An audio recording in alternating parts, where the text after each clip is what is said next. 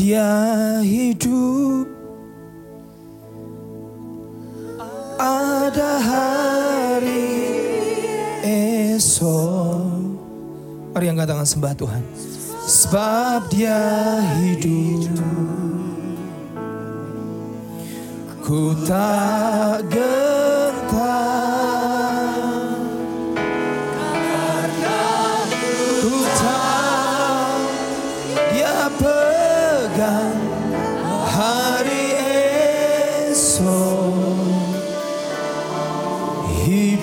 jadi berarti sebab Yesus hidup Bapak di surga Bapak berdoa hari ini biar kau bicara dalam hidup kami Tuhan kau teruskan karyamu dalam hidup kami di tengah masa seperti ini. Kami percaya kuasamu itu nyata dan sempurna. Di masa seperti ini kami membuktikan bahwa because he live I can face tomorrow.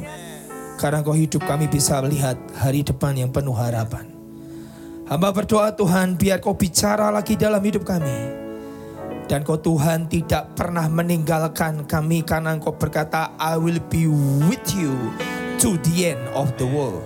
Aku akan menyertai engkau sampai di ujung zaman. Tuhan firmanmu berkata engkau menyertai kami sampai ujung akhir zaman. Sampai dunia ini selesai. Engkau tetap menyertai kami. Mbak berdoa engkau bicara sekali lagi kepada anak-anak yang kau cintai dan kau kasihi. Dan kami percaya kuasamu tetap menyembuhkan dalam nama Yesus. Saudara yang percaya berkata, amin. Saudara saya ingin bagikan mungkin 15 menit atau mungkin sekitar 20 menit. Saudara ini hari-hari yang tidak mudah dan saya tahu mari belajar lihat sebuah opportunity yang namanya the golden times. Kesempatan emas. Di hari-hari ini saya tahu semua sedang mengalami kegoncangan. Dan kitab Ibrani berkata, semua yang bisa digoncang akan digoncang. Dasar iman saudara, ekonomi, kesehatan, bangsa, kerajaan, semua yang bisa digoncang akan tergoncangkan. Kata Alkitab kitab Ibrani. Tapi saya mari kita lihat bersama di kitab Hagai, Tuhan bicara sesuatu. Saya tahu ini pesan Tuhan untuk akhir zaman untuk saudara. Saya tahu pada saat Tuhan tunjukkan ayat ini kepada saya, Tuhan bicara melalui ayat ini. Tiba-tiba banyak sekali nabi-nabi di dunia juga temukan yang hal yang sama. Dan saya percaya ini adalah waktunya untuk gereja Tuhan, untuk orang percaya melihat sebuah golden opportunity, sebuah kesempatan emas. Bagaimana Tuhan itu sedang membuat sebuah shifting, membuat sebuah pergeseran. Saudara, dunia boleh mereka rekakan uh, Si jahat boleh mereka rekakan yang jahat, tapi Tuhan akan mengubah menjadi sebuah kebaikan. Hagai 2, Hagai 2 ayat 6 sampai 9. Ini hari Paskah, ada relevansinya dengan Paskah. Ini hari uh, Jumat Agung, ini hari Yesus disalibkan, ini anak anak domba disembelih. Inilah hari di mana orang-orang Israel di masa itu dia menaruh tanda darah di setiap abang pintu. Dan saya berdoa di seluruh Indonesia, di semua jalan, sekarang tanda darah Tuhan Yesus sedang mengalir di mana-mana, di seluruh bangsa kita dan seluruh dunia.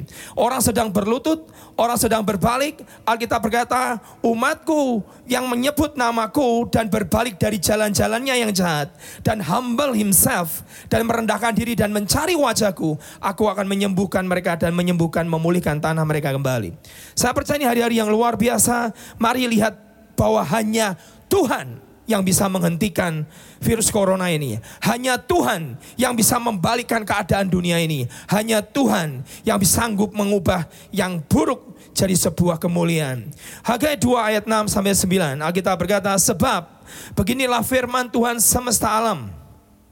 Sedikit waktu lagi maka aku akan menggoncangkan langit dan bumi, laut dan darat. Saudara lihat, terjadi gempa di mana-mana, terjadi tsunami di mana-mana, terjadi kegoncangan langit meteor saya dengar dalam waktu dekat berdekatan ini meteor ada yang jatuh di beberapa tempat dengan luar biasa.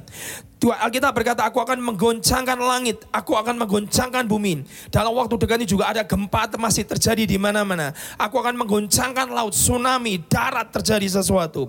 Dan aku akan menggoncangkan segala bangsa. Saudara, lihat ayat ini berkata, segala bangsa hari ini lockdown, segala bangsa sedang goncang gara-gara satu virus ini. Sehingga, lihat ayat ini, sehingga barang yang indah-indah, kepunyaan segala bangsa datang mengalir ini golden opportunity. Segala, ini firman saudara. Segala barang yang indah-indah, kepunyaan segala bangsa datang mengalir. Ke mana? Maka aku Tuhan akan memenuhi rumahku ini dengan kemegahan. Akan mengalir ke gereja Tuhan. Akan mengalir ke orang-orang benar.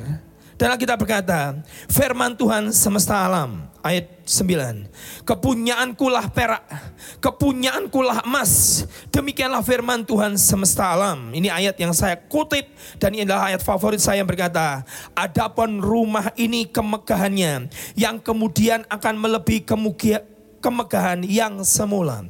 Saya sering ucapkan dalam bahasa Inggris, the glory of the later house, kemuliaan rumah Tuhan, gereja Tuhan yang akan datang, yang kita alami hari ini jauh lebih besar dibandingkan dengan kemuliaan di zaman Musa, zaman Abraham, zaman Smith Wigglesworth. Kita mengalami jauh lebih besar, tujuh kali lipat lebih dahsyat.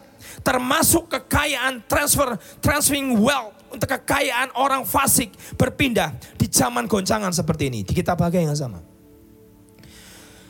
Mari bangun, mari percaya. Ada Tuhan yang pegang kendali. Ada Tuhan yang pegang semuanya. Kita teruskan. Kita baca ayat dulu. 1 Korintus 10 ayat 9 sampai 11. Semuanya ini telah menimpa mereka sebagai contoh dan dituliskan untuk menjadi peringatan bagi kita yang hidup pada waktu di mana zaman akhir telah tiba. Ini zaman akhir. Kita di ujung dari segala akhir zaman. Ini bukan zaman zaman 2000 tahun yang lalu. Tapi ini zaman di ujung akhir zaman. Sebagai peringatan. Satu ayat lagi. Habakuk 3 ayat 5 sampai 6. Alkitab berkata. Mendahulinya berjalan penyakit sampar dan demam. Ayat ini bicara 3500 tahun yang lalu. Atau 600 sebelum masehi. Firman berkata mendahulinya Tuhan berjalan penyakit sampar dan demam. Banyak orang demam. Dan Alkitab berkata mengikuti jejaknya. Ia berdiri maka bumi dibuatnya bergoyang. Hari ini seluruh bumi bergoyang. Terjadi goncangan. Ia melihat berkeliling maka bangsa-bangsa dibuatnya melompat terkejut. Semua bangsa shock, shut down. Hancur gunung-gunung yang ada sejak zaman purba. Merendah bukit-bukit yang berabad-abad. Itulah perjalanan Tuhan yang berabad-abad. Semua yang meninggikan yang tinggi sedang direndahkan. Karena hanya Tuhan yang ditinggikan. Saudara, apa yang terjadi dengan hari-hari ini? Kita lihat di YouTube dan segala macam saudara baca, saudara lihatlah banyak hal. Berkata bahwa virus ini adalah by design. Mereka berkata ujungnya mereka berkata sedang menyebar namanya roh ketakutan di mana-mana. Orang dengan begitu panik, dengan begitu takut ini menyentuh siapa pun orang dari orang yang kalangan paling rendah sampai orang yang paling atas, dari pejabat dari orang yang paling miskin sampai orang yang paling kaya, dari orang yang tidak punya jabatan sampai pejabat yang paling tinggi pun sekalipun dia bisa sentuh. Wakil presiden dari Iran pun kena. Pangeran Charles pun kena. Saudara ini sedang ada apa hari ini? Ada roh ketakutan yang disebar oleh kuasa jahat. Dia sedang menyebar teror. Dia sedang menyebar ketakutan di mana-mana. Tujuannya cuma satu. Dunia sedang, ekonomi dia sedang di shutdown. Sedang di lockdown. Ekonomi sedang berhenti.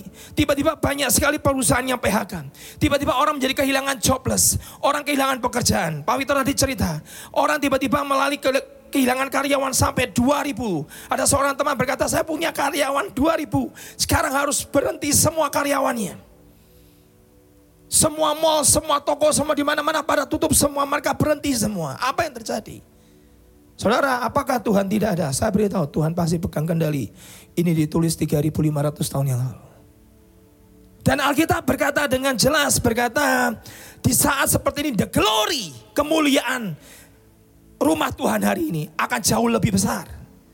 Barang yang indah-indah dari bangsa-bangsa akan pindah dan mengalir untuk masuk ke rumah Tuhan, untuk kemegahannya. Saudara, hari ini orang sedang berpikir, ada apa? Ada apa dengan dunia ini? Apa yang sedang direncanakan oleh si jahat?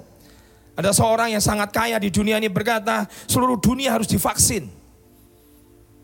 Itu adalah salah satu tanda cara untuk masukkan mark of the beast. Dari binatang itu coba dimasukkan ke manusia. Semua orang harus dikasih tanda. Seperti kitab Wahyu pasal 13 berkata, orang harus memakai tanda supaya bisa menjual dan membeli. Semua by design. Tapi perhatikan, Sebelum masa itu terjadi, ada sesuatu kemuliaan yang jauh lebih besar. Kita biasanya berkata tujuh kali lipat lebih dahsyat dibandingkan zaman Musa. Tujuh kali lipat lebih dahsyat dibandingkan zaman Smith Wigglesworth. Tujuh kali lipat lebih dahsyat dibandingkan zaman Amy Simple McPherson yang pernah kasih makan pada saat Perang Dunia Kedua. Ada kemuliaan tujuh kali lipat yang lebih besar. Bahkan ada transferring wealth. Ada yang namanya barang yang indah-indah ada yang namanya kekayaan bangsa-bangsa yang sedang mengalir. Ini masa engkau harus berkata Tuhan, this is my golden opportunity. Ini adalah masa kesempatan emas di mana anak Tuhan akan orang orang fasik akan menimbun kekayaannya dan diserahkan kepada orang benar. Kata Alkitab. Saudara lihat di sini, kita akan tunjukkan sesuatu, saya akan tunjukkan sesuatu saudara. Ini masa setan boleh mereka rekakan yang jahat. Tapi Tuhan mengubah menjadi kebenaran. Saya, saya akan tunjukkan ayat dari ayat demi ayat. Bagaimana di masa ini pernah terjadi sebelumnya. Lihat saudara. Kita lihat bersama-sama krisis di zaman Abraham. Di kejadian 12 ayat 10. Ketika kelaparan timbul di negeri itu. Pergilah Abraham ke Mesir. Untuk tinggal di situ sebagai orang asing. Sebab hebat kelaparan di negeri itu. Sudah itu masa kelaparan yang dasar di zaman Abraham pernah alami. Jangan dipikir tokoh-tokoh iman tidak pernah ngalami. Teruskan ayat berikutnya, kejadian 13 ayat 1 2. Maka pergilah Abraham dari Mesir ke tanah Negeb dengan istrinya dan segala kepunyanya. Dan Lot pun bersama-sama dengan dia. Ada pun Abraham pada saat masuk ke negeri Mesir. Alkitab kata dia menjadi sangat kaya. Banyak ternak, perak dan emasnya. Dari mana? Dari orang dunia. Di masa kelaparan. Di masa ekonomi lagi berat. Abraham masuk ke Mesir. Firaun serahkan semua hartanya kepada Abraham. Saudara saya beritahu ini pesan Tuhan. Kedua, krisis zaman Isa, anaknya Abraham. Semua mengalami namanya krisis dan Alkitab berkata kejadian 26 ayat 1 berkata maka timbullah kelaparan di negeri. Ekonomi lockdown, kelaparan. Abraham mengalami, Isa mengalami. Kejadian 26 ayat 1 berkata ini bukan kelaparan yang pertama. Dan diulangi di ayat yang berikutnya. Yang telah terjadi di zaman Abraham. Abraham mengalami, Isa mengalami. Sebab itu Isa pergi ke Gerar. Karena Isa mau ikutin papanya pergi ke Mesir. Tuhan berkata jangan, kamu jangan ke Mesir. Kamu pindah ke negara lain. Kamu pergi ke Gerar. Kepada Abimelech. Kepada raja orang Filistin. Pada saat Isa pergi ke Gerar ke raja orang Filistin. Kejadian 26 ayat 12. Maka menaburlah Isa di tanah itu. Seperti Pak Vito dikatakan. Di masa krisis seperti ditabur. Dia nabur hidupnya. Dia tuai kehidupan.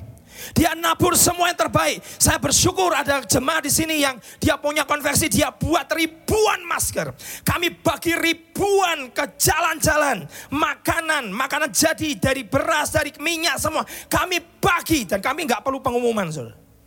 Kalau engkau memberi tangan kananmu, jangan ditaruh oleh tangan kirimu. Tapi kok tabur. Dan Alkitab berkata di masa kelaparan itu. Maka menaburlah Isa di tanah itu. Dan dalam tahun itu juga ia mendapat hasil berapa? 100 kali lipat. Sebab ia diberkati Tuhan. Saudara hanya butuh satu kata hari ini dalam hidupmu. Engkau cuma butuh satu kata di blessing, diberkati Tuhan. Dan Alkitab berkata, dan firman berkata, dan orang itu Isa itu menjadi kaya. Bahkan kian lama kian kaya, sehingga ia menjadi sangat kaya. Di masa apa? Kelaparan. Saya tidak sedang bicara namanya prosperity gospel. Saya sedang bicara di masa goncangan. Tuhan ada namanya golden opportunity. Ada namanya kesempatan emas. Di mana Tuhan sedang berkati umatnya. Tuhan sedang membuat sebuah pembedaan. Contoh ketiga, contoh yang sering kali kita baca. Krisis di zaman Yusuf. Kejadian 41 ayat 57, Alkitab berkata, juga dari seluruh bumi datanglah orang ke Mesir untuk membeli gandum dari Yusuf. Kenapa? Seluruh bumi lapar. Seluruh bumi kelaparan. Sebab hebat kelaparan itu di seluruh bumi. Saudara, seluruh bumi ini pernah terjadi kelaparan. Setan kok boleh rekakan yang jahat. Tapi Tuhan ngubah jadi kebaikan. Kejadian 50 ayat 20 yang saya ucapkan berkali-kali dan tadi kita baca. Memang kamu telah mereka-rekakan yang jahat terhadap aku. Tetapi Allah telah mereka-rekakannya untuk kebaikan. Saudara di rumah kau di mana pun berada. Setan rekakan yang jahat buat kamu. Ngomong, eh setan kau rekakan jahat. Tuhan ngubah jadi kebaikan. Yusuf harus dijual jadi seorang budak. Nanti ada satu kunci yang kau harus pegang. Dan kunci ini nggak boleh hilang. Bagaimana kekayaan bangsa-bangsa bisa pindah ke saudara? Bagaimana Tuhan, saudara tetap Tuhan memberkati hidup saudara? Bagaimana hidupmu tetap jadi berkat? Ada satu kunci, yaitu di Jumat Agung ini. Lihat, memang kamu telah mereka-rekakan yang jahat terhadap aku. Tetapi Allah telah mereka-rekakannya untuk kebaikan. Dengan maksud melakukan seperti yang terjadi sekarang ini. Yakni memelihara hidup suatu bangsa yang besar. Yusuf harus direndahkan untuk melihat memelihara sebuah bangsa yang besar. Untuk memberi makan bumi. Kelaparan bukannya Yusuf jatuh dan hancur. Di saat kelaparan Yusuf naik jadi orang nomor dua. Dia jadi Perdana Menteri. Dan bahkan dia bisa memberi makan seluruh bumi kata Alkitab. Krisis keempat, saya berikan contoh yang lain. Krisis di zaman Musa. Keluaran 3, 21, 22. Dan aku akan membuat orang Mesir bermurah hati. Ini harinya. Ini hari orang Israel sedang naruh darah di atas pintu abang pintu rumahnya. Ini hari kita sedang terapkan namanya firman. Firman harus jadi daging. Ini hari, hari Jumat ini, hari pada saat sebelum sabat, mereka taruh namanya tanda darah di rumahnya. Kenapa? Karena besok malaikat maut akan datang menjemput semua anak sulung. Semua pintu rumah yang tidak ada tanda darah anak sulung akan dibunuh. Di kitab keluaran. Dan setelah besok, lusanya, apa yang terjadi? Exodus. Orang Israel keluar dari Mesir dalam jumlah 2 juta setengah orang. Keluar. Exodus. Dan sebelum Exodus, di masa yang seperti ini, goncangan seperti ini, Alkitab berkata, keluaran 3 ayat 21. Dan aku akan membuat orang Mesir bermurah hati terhadap bangsa ini. Sehingga apabila kamu pergi, kamu tidak pergi dengan tangan hampa.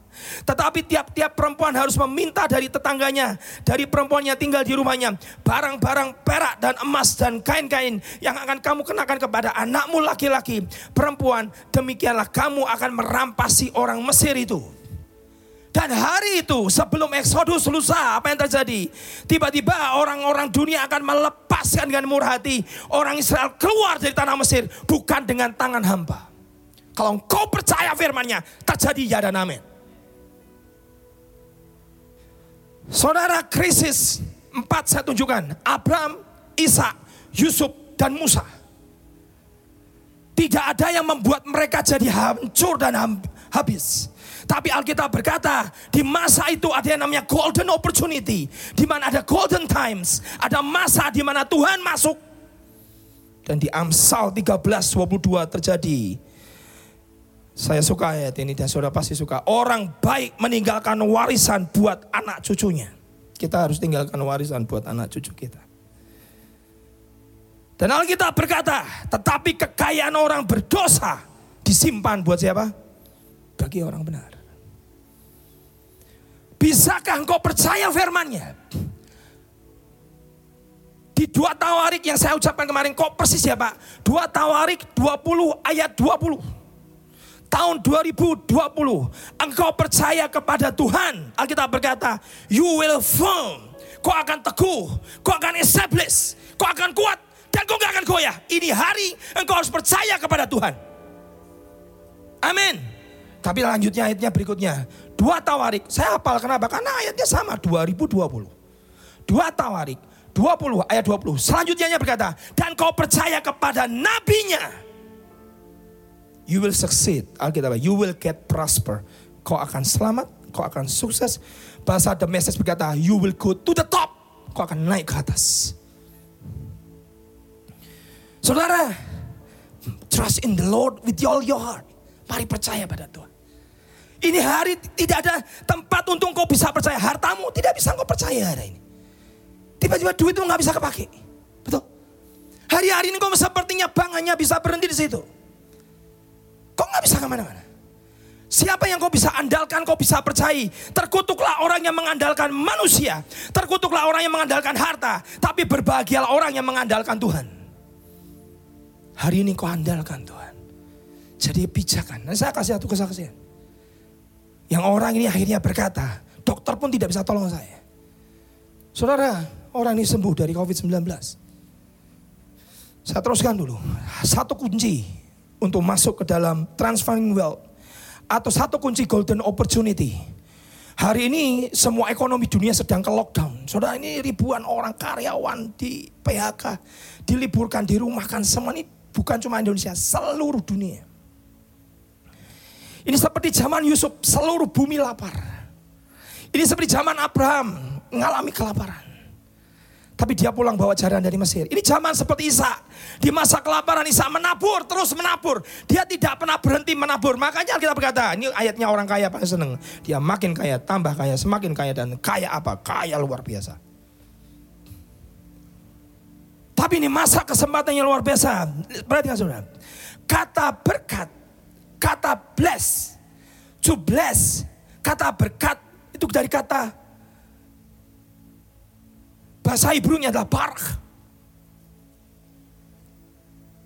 Baruch, barak. Dalam bahasa Ibrani. Tapi orang lupa. Ada satu kata yang lupa. Orang yang mikirnya cuma duit. Ada satu kata yang lupa. Kata barak atau baruch dalam bahasa Ibrani artinya yang memberkati, diberkati. Ada satu kata yang lupa, tunil. Satu artinya tunil. Enggak saya. meredah. Saat kesaksian Pak Vitor cerita orang yang survival in the Titanic. Dia beli hanya tiket ekonomi. Dia tidak merasa layak untuk menaik skoci. Pak Vitor yang ceritakan. Dia nggak layak naik skoci karena skoci hanya untuk orang yang VIP. Skoci dilempar, yang kelas VIP yang bayarnya mahal yang boleh naik skoci, yang kelas ekonomi ya sudahlah. Ikutlah tenggelam dengan kapal Titanic. Dia merasa tidak layak. Dia tidak marah dengan keadaan itu, dia tidak marah dengan kejadian itu, dia tidak marah dengan sekitarnya. Kenapa kamu pilih kasih kamu hanya orang VIP VIP? Enggak, dia malah justru menabur seperti Isa. Dia tabur kehidupan. Dia siapkan skocinya. Dia izinkan orang-orang VIP yang naik ke kapal itu. Dia berikan makanannya. Dan dia siapkan dirinya untuk tenggelam. Tapi dia tabur dirinya. Kata barak artinya merendah. Kata merendah artinya adalah arti adalah itu adalah sebuah natural adalah alamiahnya Tuhan. Yesus harus mengosongkan dirinya, mengambil rupa seorang hamba, dan rela mati sampai mati di mana? Di kayu salib. Menjadi apa? Menjadi yang paling terkutuk. Itu merendah. Dan kata itu dipakai oleh Yesus. Dan dia berkata, the great blessing, anugerah berkat terbesar yang kita miliki bukan healing. Bukan uang. Bukan nama besar. Bukan sudah jadi terkenal. Bukan rumah mewah anugerah berkat terbesar barak yang terbesar yang Yesus pernah berikan dalam hidup kita adalah keselamatan. Betul. Keselamatan adalah pemberian yang terbesar. Kapan keselamatan bisa kita terima? Pada saat ada satu pribadi yang barak, yang cunil. Sudah lihat gambar ini, dia nil. Dia berlutut, dia dicambuk, dia merendah. Bahkan rela mati sampai mati di kayu salib. Itu kunci. Sehingga Alkitab berkata, karena kamu telah mengenal kasih karunia 2 Korintus 8 ayat 9 berkata, dari Tuhan Yesus Kristus bahwa ia yang oleh karena kamu menjadi miskin, sekalipun ia adalah kaya, supaya kamu menjadi kaya oleh karena kemiskinannya.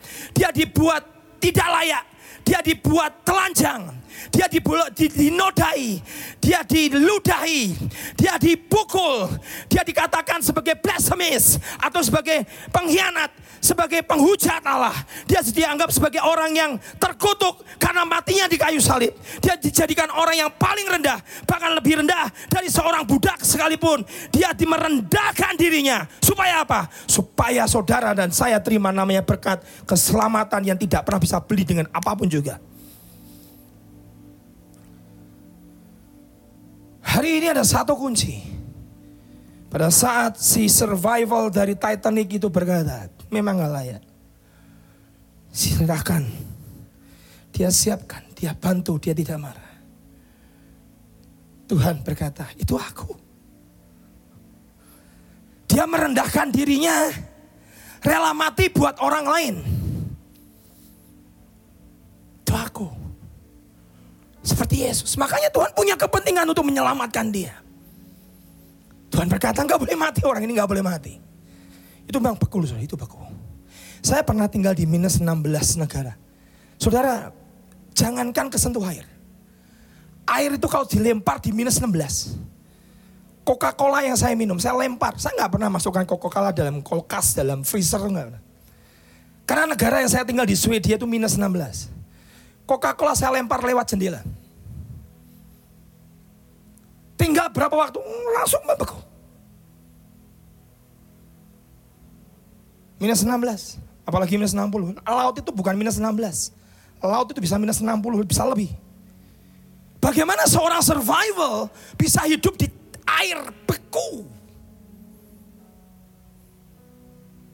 Tuhan mau berkata, orang ini barak Tunil, dia merendah.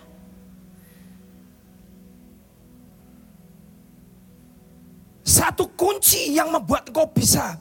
Kata merendah itu artinya bagus saudara. To bless is to barak. Memberkati itu adalah to barak is to kneel. Dia mau berkata ini. To barak is to kneel. Memberkati itu yaitu merendah. To kneel down, to kneel is to lower yourself. Merendah itu artinya berlutut itu artinya adalah merendahkan dirimu to lower yourself. Kau sedang direndahkan, jangan balas. Barak akan tutang datang dalam dirimu. Dan kita berkata, Tuhan memberikan berkat yang terbaik yaitu keselamatan karena he lower himself. Dia merendahkan dirinya. Menjadi manusia dan mati di atas kayu salib. Hari ini saya mau berkata kepada saudara. Dengerin baik-baik. Jumat semua pintu dikasih darah. Yesus mati di atas kayu salib, darah nempel di hidup kita. Tem. Tidak ada kutuk, tidak ada penyakit, tidak ada apa pun yang bisa sentuh kita karena darahnya nempel dalam hidup kita. Hari ini Indonesia sedang dibasuh dengan darah Yesus. Saya berkata, Indonesia dibasuh dengan darah Yesus. Amin. Esok adalah hari pada saat orang Israel menaruh darah di atas ambang pintu. Esok adalah hari malaikat maut akan datang untuk mengambil anak sulung termasuk anak sulung Israel, kalau sampai di depan pintunya tidak ada ambang, ada darah, tanda. Tidak materai Tuhan. Dan lusa adalah eksodus. Terjadi keluar besar-besaran. Keluar dari Mesir secara ribuan. Yang hebat ini. Tiba-tiba tadi saya duduk berkata. Hari ini adalah Yesus disalib, disembelih Tanda darah bukan cuma di pintu hidup kita, tapi di rumah kita, di Indonesia dan seluruh dunia. Besok bukan hari untuk mengambil anak sulung. Kalau saudara baca kitab 1 Petrus, Besok adalah Yesus masuk ke penjara-penjara. Baca kitab 1 Petrus. Besok adalah Yesus turun ke penjara-penjara. Dia masuk ke neraka. Dia ambil kunci yang pernah diserahkan Adam kepada setan. Dan di penjara-penjara itu dia buka semua penjara-penjara. Orang-orang akan dikeluarkan semua. Dibuka penjara-penjara, semua kutuk, semua belenggu, semua kunci yang Adam pernah diserahkan kepada setan. Hari itu diambil balik. Besok adalah harinya. Bukan hari kematian Rasul. Harus tahu. Setelah besok Yesus membuka penjara-penjara di, di alam dunia, the underworld. Oh, ada film namanya apa? Underworld di bawah dunia. Yesus masuk. Dan saudara tahu, baca kitab Matius. Pada saat hari Paskah apa yang terjadi? Kubur orang kudus terbuka. Dan orang-orang kudus keluar dari kubur. Dan menampakkan diri masuk ke Yerusalem. Itu ada Daud, ada Musa, ada Abraham. Semuanya sudah dibelenggu bertahun-tahun di Hades. Karena belum ada keselamatan, hari itu dibongkar semua. Dan semua orang kudus keluar dari penjara. Dia keluar dari kubur, dia keluar menampakkan dirinya. Dan jadi saksi berkata bahwa Yesus adalah Tuhan. Semua kutuk belenggu hutang dalam dirimu selesai dalam nama Yesus. Semua sakit penyakit dalam dirimu selesai dalam nama Yesus. Karena korban hidupnya lebih hebat daripada seekor domba. Dia adalah anak Allah yang mati, yang membasuh seluruh hidup dan dosa saudara. Itulah namanya Yesus. Saya beri last testimoni satu kesaksian terakhir. 23 Maret sebelum kita masuk hari minggunya kalau nggak salah kita sudah mulai streaming streaming awal. 23 Maret ada seorang anak Tuhan dari jemaat sini. Tiba-tiba suaminya WA saya. Karena dia tulis di Instagram banyak orang yang bisa baca. Saya mau saksikan buat saudara. Dan tiba-tiba hari itu orang ini berkata, saya 23 Maret siang itu saya pulang kerja, badan saya demam. Dan hari itu begitu saya pulang langsung saya suruh anak saya jauhkan dari saya.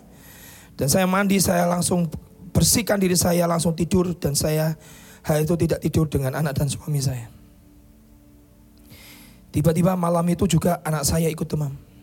Badannya ikut panas. 38 sampai 39. Di situ saya mulai cemas, saya berpikiran yang menakutkan. Ketakutan mulai mencekam hati saya.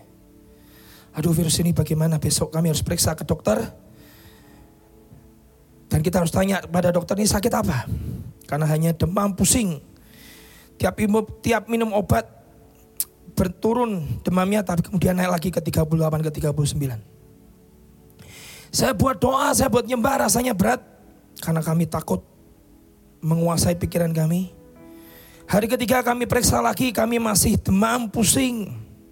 Disarankan dokter untuk pergi tes COVID-19 ke salah satu rumah sakit di kota ini. Dan hari keempat kami ke rumah sakit. Ternyata di sana kami tidak ada rapid test, tapi hanya di screening saja. Akhirnya saya pulang. Makin hari kondisi kami makin mencemaskan karena kami mulai sesak nafas, saya mulai sesak nafas.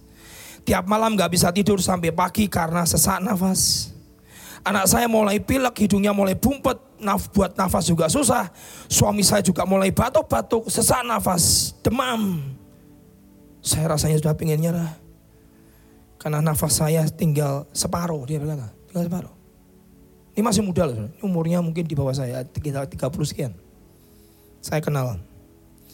Hari-hari saya tiduran tapi nggak punya tenaga buat nafas saja susah. Seperti habis berlari panjang, berat. Sampai suatu malam, saya sama sekali tidak bisa tidur karena sesak nafas.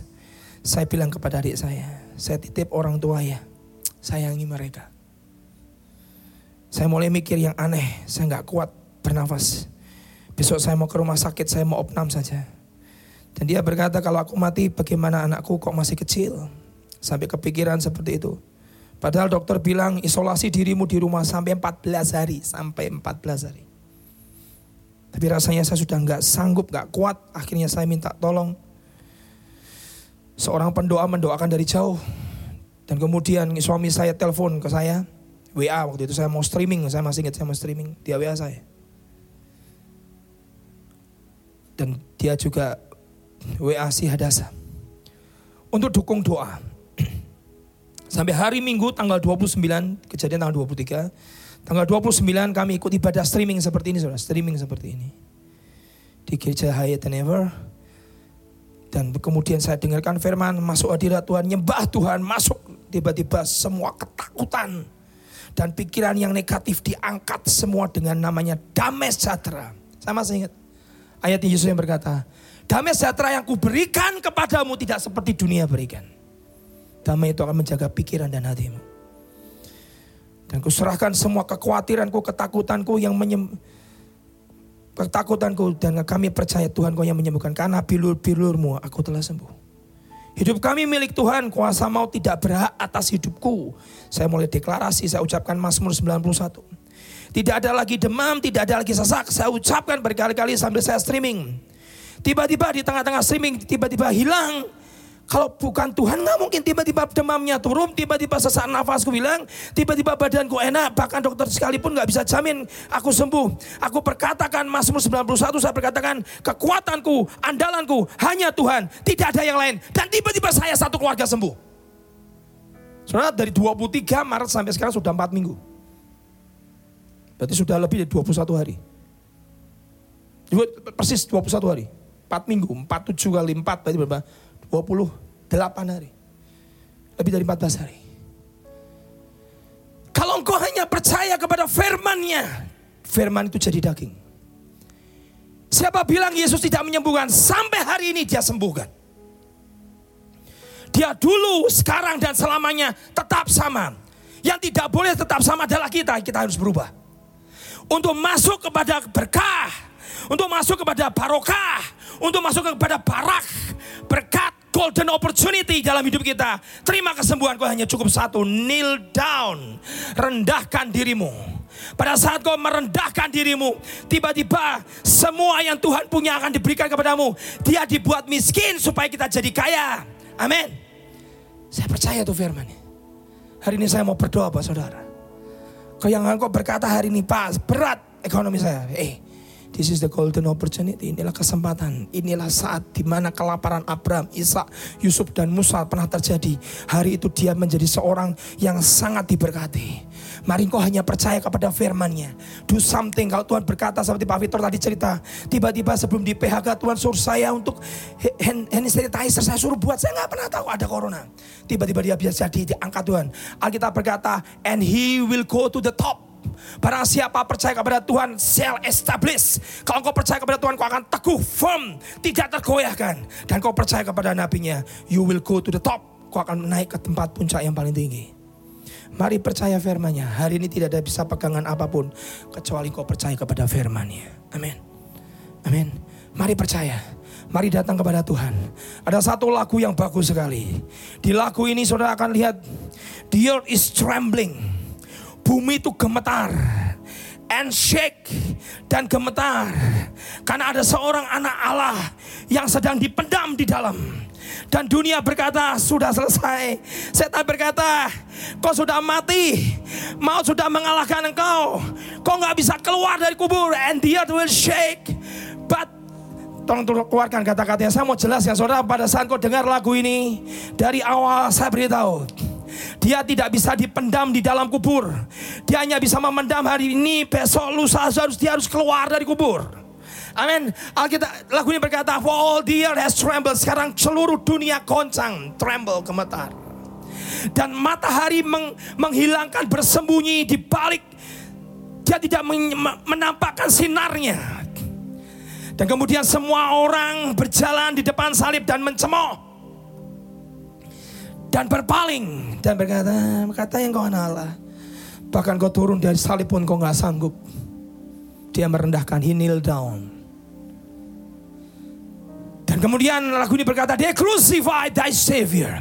Dia salibkan sang maha mulia, sang penyelamat. Dan meninggalkan di dalam kubur. Lay them in the tomb. Masih hidup satu kali yang akan membawa kasih dan pengharapan.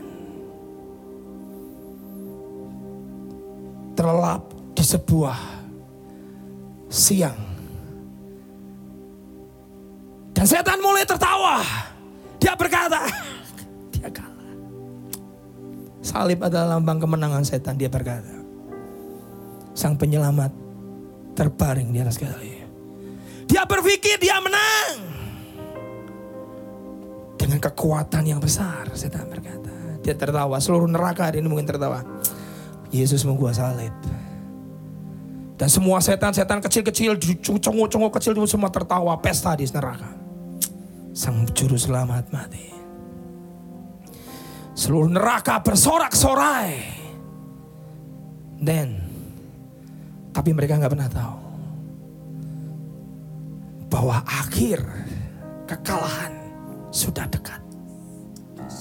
Dia tidak tahu bahwa akhir kekalahan setan, setan penyakit COVID-19, setan kebangkrutan, setan kegagalan yang membuat ekonomi hancur. Dia tidak pernah tahu bahwa akhirnya sudah dekat. Karena ada minggu pagi, cause early Sunday morning. Tiba-tiba pada saat fajar akan merekah, hari minggu itu akan tiba seperti yang Yesus katakan, early on Sunday morning, He broke the curse of sin and death. Dia patahkan semua dosa dan kematian. He rose from the dead dan dia bangkit dari kematian. Dan new beginning permulaan yang baru sedang dimulai. And his kingdom dan kerajaannya akan ditegakkan di atas muka bumi ini.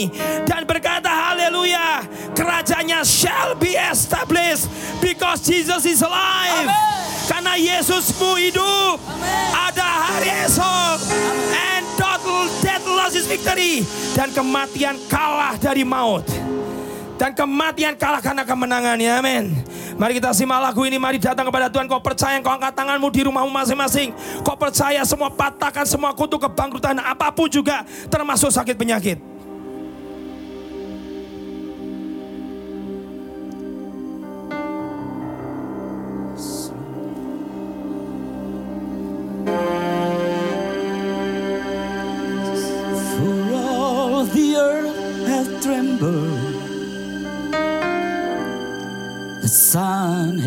His face.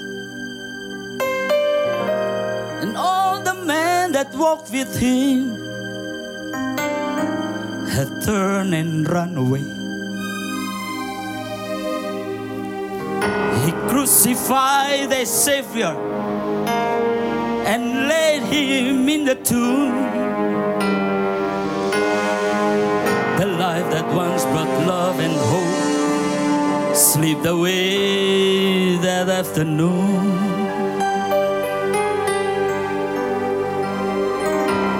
Sad and gleamed with pleasure that day at Calvary. For he thought he had won a mighty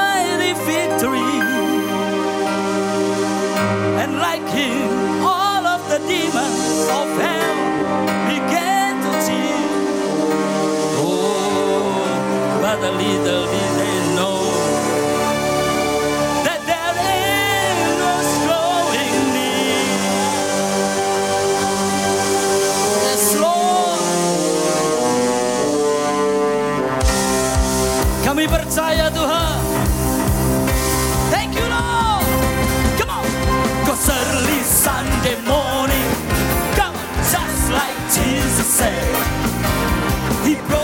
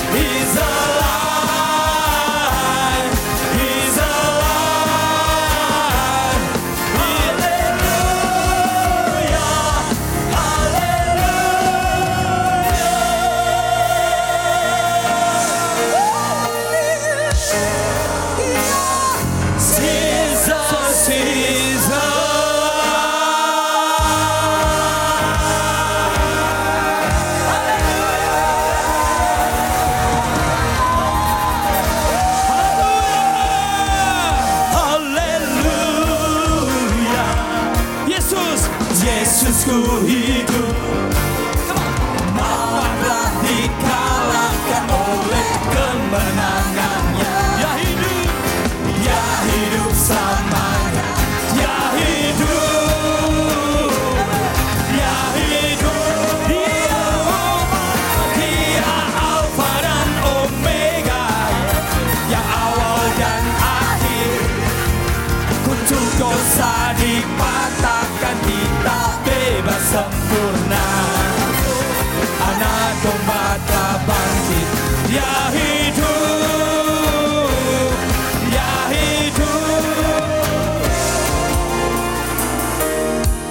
Saudara, hari ini saya mau berkata, saya mau berdoa buat saudara. Kau yang sakit, taruh tanganmu pada bagian yang sakit. Hari ini hari pembebasan buat saudara. Di dalam nama Yesus, aku berkatakan semua sakit penyakit, engkau pergi di dalam nama Yesus. Hari ini di dalam nama Yesus, kau yang terinfeksi dengan COVID-19 sekalipun, kau pergi di dalam nama Yesus. Sembuh di dalam nama Yesus. Ini hari Yesus bangkit, yakni hari Yesus mengalahkan semua kutuk dosa maut dipatahkan. Dan aku perkatakan semua, aku perkatakan semua roh kebangkrutan pergi. Semua roh resesi ekonomi dunia atas Indonesia. Indonesia akan masuk masa kemasan. Dan aku percaya, dan orang benar Alkitab berkata, orang fasik menimbun kekayaannya untuk diberikan kepada orang benar. Hari ini aku berdoa di dalam nama Yesus di mana pun kau berada. Terima kemenanganmu, terima kemerdekaanmu. Sudah dipatahkan. Kita bebas sempurna. Terima kesembuhanmu. Dia bangkit, come on. Dia hidup